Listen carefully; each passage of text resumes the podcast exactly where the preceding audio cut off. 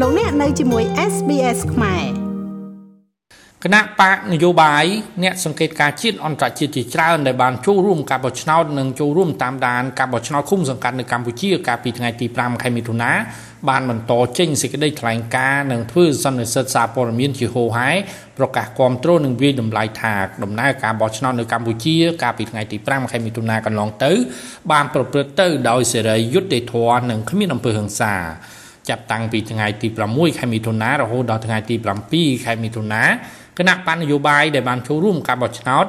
បានប្រកាសពីគោលជំហរនិងវាតម្លៃរបស់ខ្លួនជំវិញដំណើរការបោះឆ្នោតឃុំសង្កាត់នៅកម្ពុជាកាលពីថ្ងៃទី5ខែមិថុនាក្នុងនោះរួមមានគណៈបកប្រជាជនកម្ពុជាគណៈបកយុវជនកម្ពុជា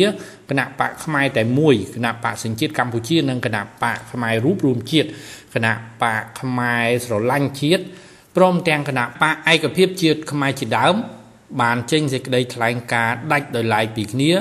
ដោយលើកឡើងថាការបោះឆ្នោតនេះបានប្រព្រឹត្តទៅដោយល្អប្រសើរប្រកបដោយលំដាប់ភាពនិងបរិយាកាសសេរីត្រឹមត្រូវនិងយុត្តិធម៌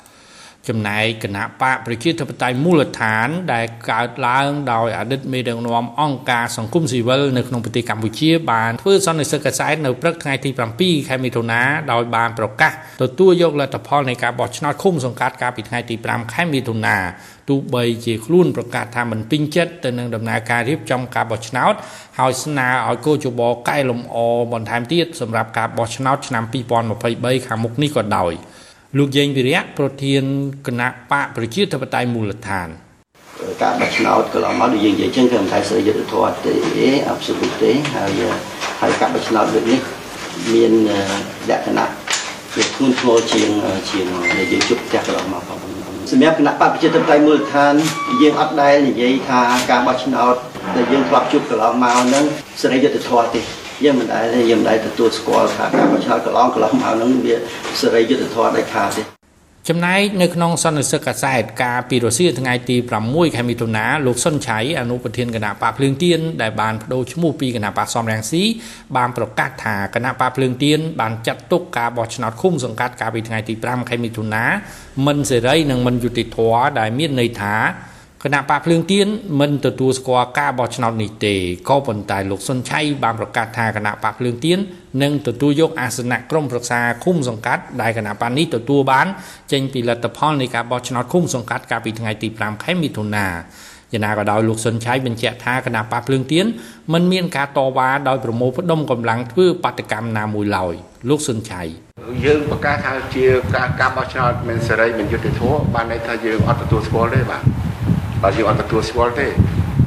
ហើយហើយមានសំណួរថែមរឿងហ្នឹងទៀតទេអត់ទទួលស្គាល់អញ្ចឹងត្រូវធ្វើធ្វើយ៉ាងម៉េចធ្វើយ៉ាងម៉េចអាហ្នឹងហើយដែលយើងចង់ឲ្យកែលម្អឲ្យថ្ងៃក្រោយវាមានយុទ្ធធម៌ត្រឹមត្រូវឡើង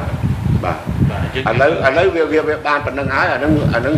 វាអត់វាអត់យុទ្ធធម៌ត្រឹមត្រូវទេអត់សេរីនឹងយុទ្ធធម៌ទេអឺ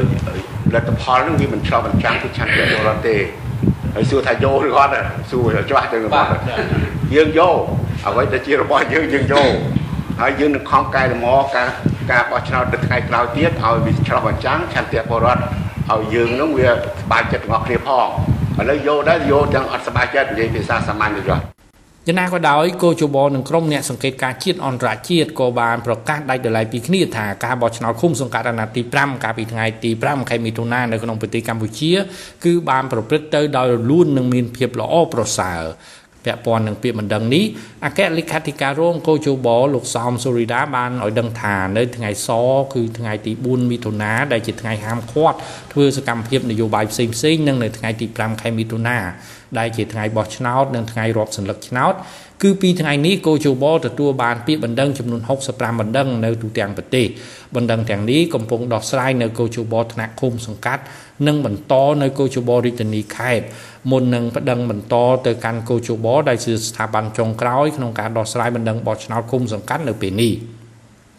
លទ្ធផលផ្លូវការនៃការបោះឆ្នោតឃុំសង្កាត់នេះគឺនឹងត្រូវកោជបប្រកាសយ៉ាងយូរត្រឹមថ្ងៃទី26ខែមិថុនា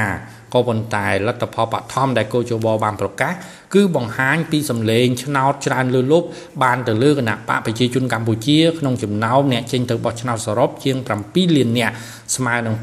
80%នៃចំនួនអ្នកបោះឆ្នោតសរុបជាង9លាននាក់រីឯគណៈបកភ្លើងទៀនស្ថិតនៅលំដាប់ទី